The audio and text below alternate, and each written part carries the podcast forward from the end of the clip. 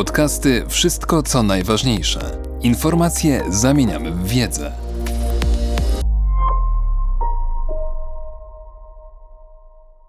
Profesor Kevin Heller, Norymberga XXI wieku. Czy i jak można pociągnąć Rosję do odpowiedzialności za zbrodnie agresji? Pisze profesor Kevin Heller. Jednym z powodów, dla którego sędziowie pracujący podczas procesów w Norymberdze po II wojnie światowej uznali zbrodnie agresji za najgorszy rodzaj zbrodni międzynarodowej, było to, że zbrodnia taka pociąga za sobą wszystkie inne. Innymi słowy, kiedy dochodzi do zbrodni agresji, można się spodziewać, że doprowadzi ona do zbrodni wojennych, zbrodni przeciwko ludzkości, a czasem nawet ludobójstwa. W ciągu 75 lat po procesach norymberskich nie byliśmy świadkami zbyt wielu aktów pełnoskalowej agresji jednego państwa przeciw drugiemu. Dlatego właśnie bezpośrednie naruszenie prawa międzynarodowego przez Rosję jest tak zaskakujące i uderzające. Z punktu widzenia prawa międzynarodowego sytuacja przedstawia się dość jasno. Artykuł 2.4 Karty Narodów Zjednoczonych zakazuje użycia siły przeciwko politycznej niezależności lub suwerenności terytorialnej innego państwa. Zgodnie z dominującą wykładnią tego przepisu, zakaz obejmuje użycie siły bez względu na zakres.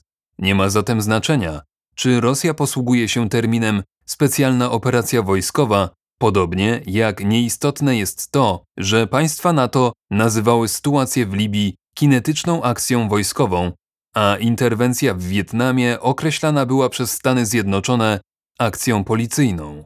Jeżeli jedno państwo używa siły przeciwko drugiemu, bez odpowiedniego uzasadnienia, narusza zakaz użycia siły. Rozwijając swoje siły w liczbie 200 tysięcy żołnierzy i przekraczając granice Ukrainy przy użyciu piechoty, sił powietrznych i czołgów, Rosja pozostawiła bardzo małe pole do interpretacji.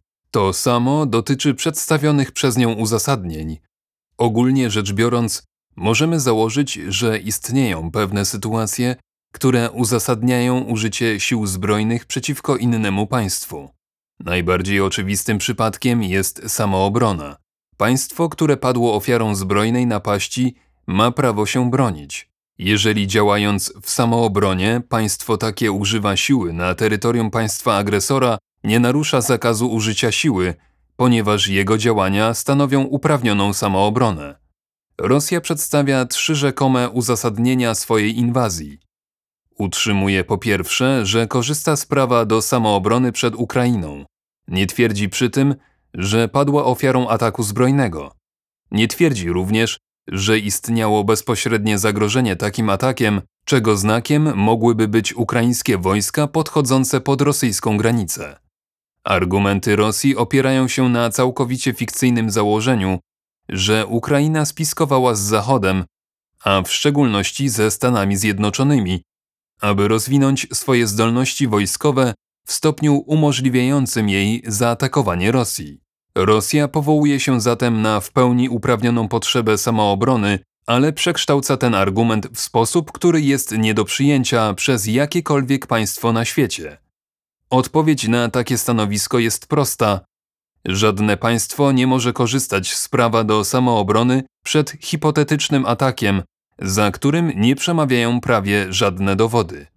Taką akcję obronną można opisać jako samoobronę prewencyjną, ale nawet Stany Zjednoczone, kraj o długiej tradycji naciągania prawa międzynarodowego, szczególnie w zakresie samoobrony, nie pozwoliłby sobie na otwarte podnoszenie tak absurdalnego argumentu prawnego.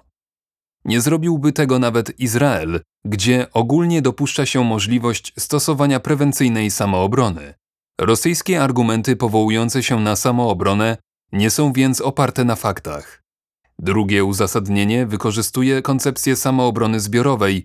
Państwo, które jest celem agresji, może poprosić inne państwa o pomoc, Rosja stara się użyć tego argumentu, twierdząc, że działa w obronie tzw. Tak republik ludowych Doniecka i Ługańska, które rzekomo bronią się przed Ukrainą jako państwem agresorem.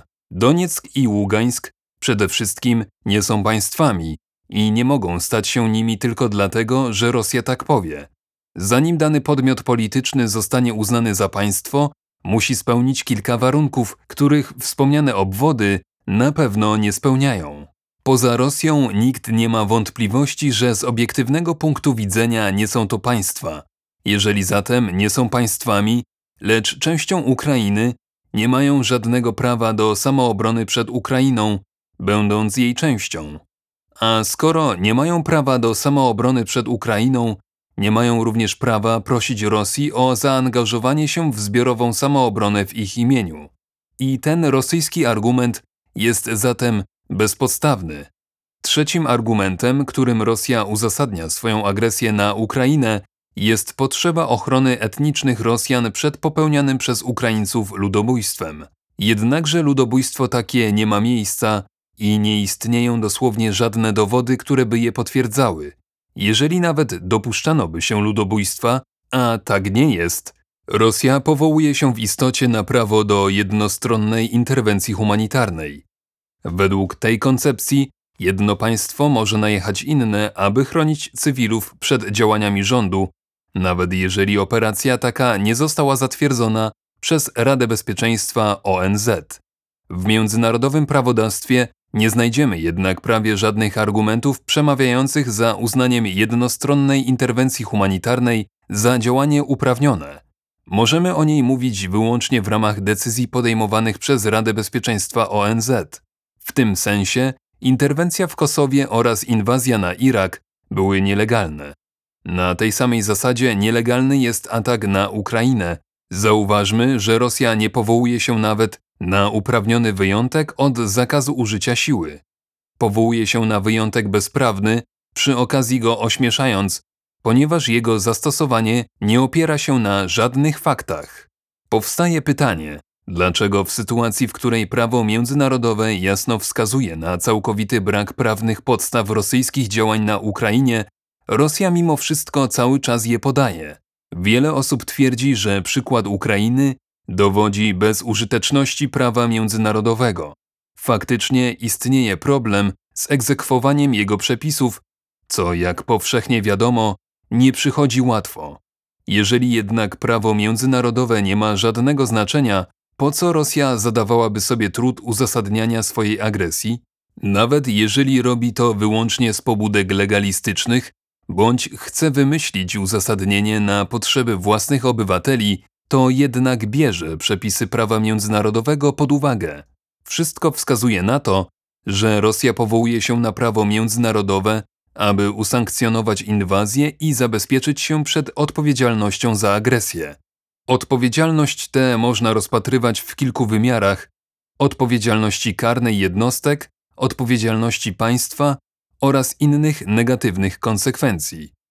Mówiąc o ogólnych konsekwencjach, należy zwrócić uwagę na fakt, że oczywiste naruszenie przez Rosję prawa międzynarodowego spotkało się z jednoznaczną reakcją. Reakcja ta robi tym większe wrażenie, że zaangażowały się w nią kraje od Japonii po Polskę oraz prywatne spółki i organizacje. Jest to dowód na to, że prawo międzynarodowe nie jest zbiorem przepisów istniejących wyłącznie na papierze, ale ucieleśnieniem zasad i wartości, z którymi wyraźnie identyfikuje się cała społeczność międzynarodowa. Jeżeli chodzi o odpowiedzialność państwa, teoretycznie rzecz biorąc, Rosja powinna wycofać swoje wojska, przeprosić i wypłacić reparacje za sposób, w jaki naruszyła prawo międzynarodowe. Trzeba jednak pamiętać, że odpowiedzialność tego rodzaju niezwykle trudno jest wyegzekwować. Tak właśnie wygląda kontekst sprawy przeciw Rosji wniesionej przez Ukrainę przed Międzynarodowy Trybunał Sprawiedliwości. Ukraina próbuje pociągnąć państwo rosyjskie do odpowiedzialności w związku z posługiwaniem się błędną interpretacją konwencji ONZ w sprawie karania zbrodni ludobójstwa jako pretekstem do rozpoczęcia pełnoskalowej inwazji na jej terytorium. Międzynarodowy Trybunał Sprawiedliwości podjął kroki prewencyjne, zauważając, że Rosja najprawdopodobniej naruszyła prawo międzynarodowe oraz wzywając Rosję jako państwo do zaprzestania działań wojskowych do zakończenia postępowania. Przyjrzyjmy się teraz sprawie odpowiedzialności karnej jednostek. Czy rosyjskich urzędników państwowych można ścigać za nielegalne działania przeciwko Ukrainie? Odpowiedź jest dość złożona. Prokurator Międzynarodowego Trybunału Karnego, Karim Khan, prowadzi obecnie dochodzenie w sprawie zbrodni popełnionych rzekomo na Ukrainie. Jeżeli dojdzie do wniosku, że istnieją uzasadnione powody, aby przyjąć, że jakiś rosyjski albo ukraiński przywódca polityczny lub wojskowy bądź nawet niższej rangi dowódca odpowiada za takie zbrodnie, może wydać nakaz aresztowania, po czym wszystkie państwa będące członkami Trybunału miałyby obowiązek taki nakaz wykonać. Istnieje zatem szansa na rozliczenie zbrodni przeciwko ludzkości popełnionych na Ukrainie. Śledztwo trwa. Ściganie zbrodni agresji jest jednak bardziej skomplikowane. Międzynarodowy Trybunał Karny jest wprawdzie właściwy do rozpatrywania zbrodni agresji, ale jego jurysdykcja jest bardzo ograniczona i znacznie różni się od jurysdykcji obejmującej zbrodnie wojenne, zbrodnie przeciw ludzkości i ludobójstwo. Największą różnicą jest to, że państwo nie będące członkiem Trybunału nie może być ścigane za zbrodnię agresji, nawet jeżeli dopuści się jej na terytorium państwa, które jurysdykcję Trybunału uznaje. Trybunał może zatem rozpatrywać zbrodnie wojenne, zbrodnie przeciwko ludzkości i ludobójstwo, ale nie może prowadzić śledztwa przeciwko Rosji w sprawie zbrodni agresji popełnionej na terytorium Ukrainy. Jest to bardzo poważne ograniczenie. Prawdę mówiąc, jedyny precedensowy wyrok za zbrodnię agresji zapadł w Norymberdze, kiedy to większości oskarżonych postawiono zarzut o popełnienie zbrodni, którą dziś nazwalibyśmy właśnie zbrodnią agresji. Wówczas nazywano ją zbrodnią przeciwko pokojowi. Z powyższego wynika, że trudno byłoby ścigać urzędników państwowych za zbrodnię agresji przynajmniej poprzez Międzynarodowy Trybunał Karny. Co zatem należy zrobić? Jeżeli chcemy pociągnąć Rosję do odpowiedzialności w związku z nielegalną agresją, a wydaje mi się, że powinniśmy wysłać społeczności międzynarodowej, w tym w szczególności potencjalnym agresorom, jasny sygnał, że tego rodzaju zachowanie nie będzie tolerowane, musimy znaleźć mechanizm, za którego pośrednictwem udałoby się to zrobić.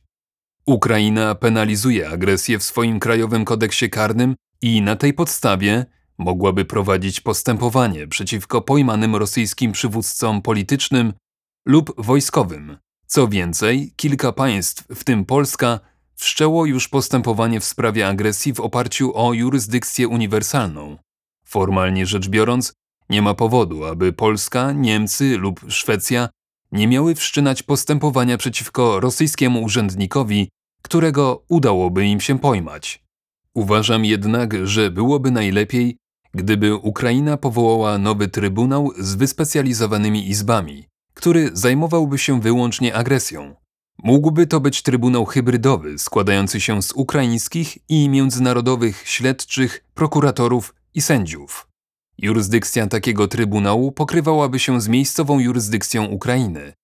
Ukraina ma prawo ścigać Rosjan za agresję, ponieważ zbrodnie te popełniono na jej terytorium. Tym samym Ukraina ma również prawo prosić społeczność międzynarodową o pomoc w tym zakresie. Można to nazwać rodzajem zbiorowej samoobrony. Społeczność międzynarodowa powinna pomóc w sfinansowaniu takiego trybunału i wesprzeć jego pracę. W działania te powinna zaangażować się w szczególności Rada Europy jako organizacja międzynarodowa, która pomoże Ukrainie w stworzeniu trybunału. Takie rozwiązanie ma kilka zalet. Prawie wszystkie państwa członkowskie Rady Europy mają długotrwałe zobowiązania zakładające walkę ze zbrodnią agresji. Przytłaczająca większość krajów świata, które ratyfikowały poprawki Międzynarodowego Trybunału Karnego dotyczące agresji, należy do Rady Europy. Przytłaczająca większość krajów świata, które penalizują agresję w swoim krajowym prawodawstwie, również należy do Rady Europy. Poza tym wszystkie kraje Europy Środkowo-Wschodniej, którym szczególnie zależy na ściganiu rosyjskiej agresji, także należą do Rady Europy. Uważam zatem, że problem z odpowiedzialnością za rosyjską agresję ma europejskie rozwiązanie w postaci wspieranego przez Radę Europy hybrydowego trybunału z siedzibą na Ukrainie. Podcasty Wszystko co najważniejsze. Czytał Mateusz Mleczko.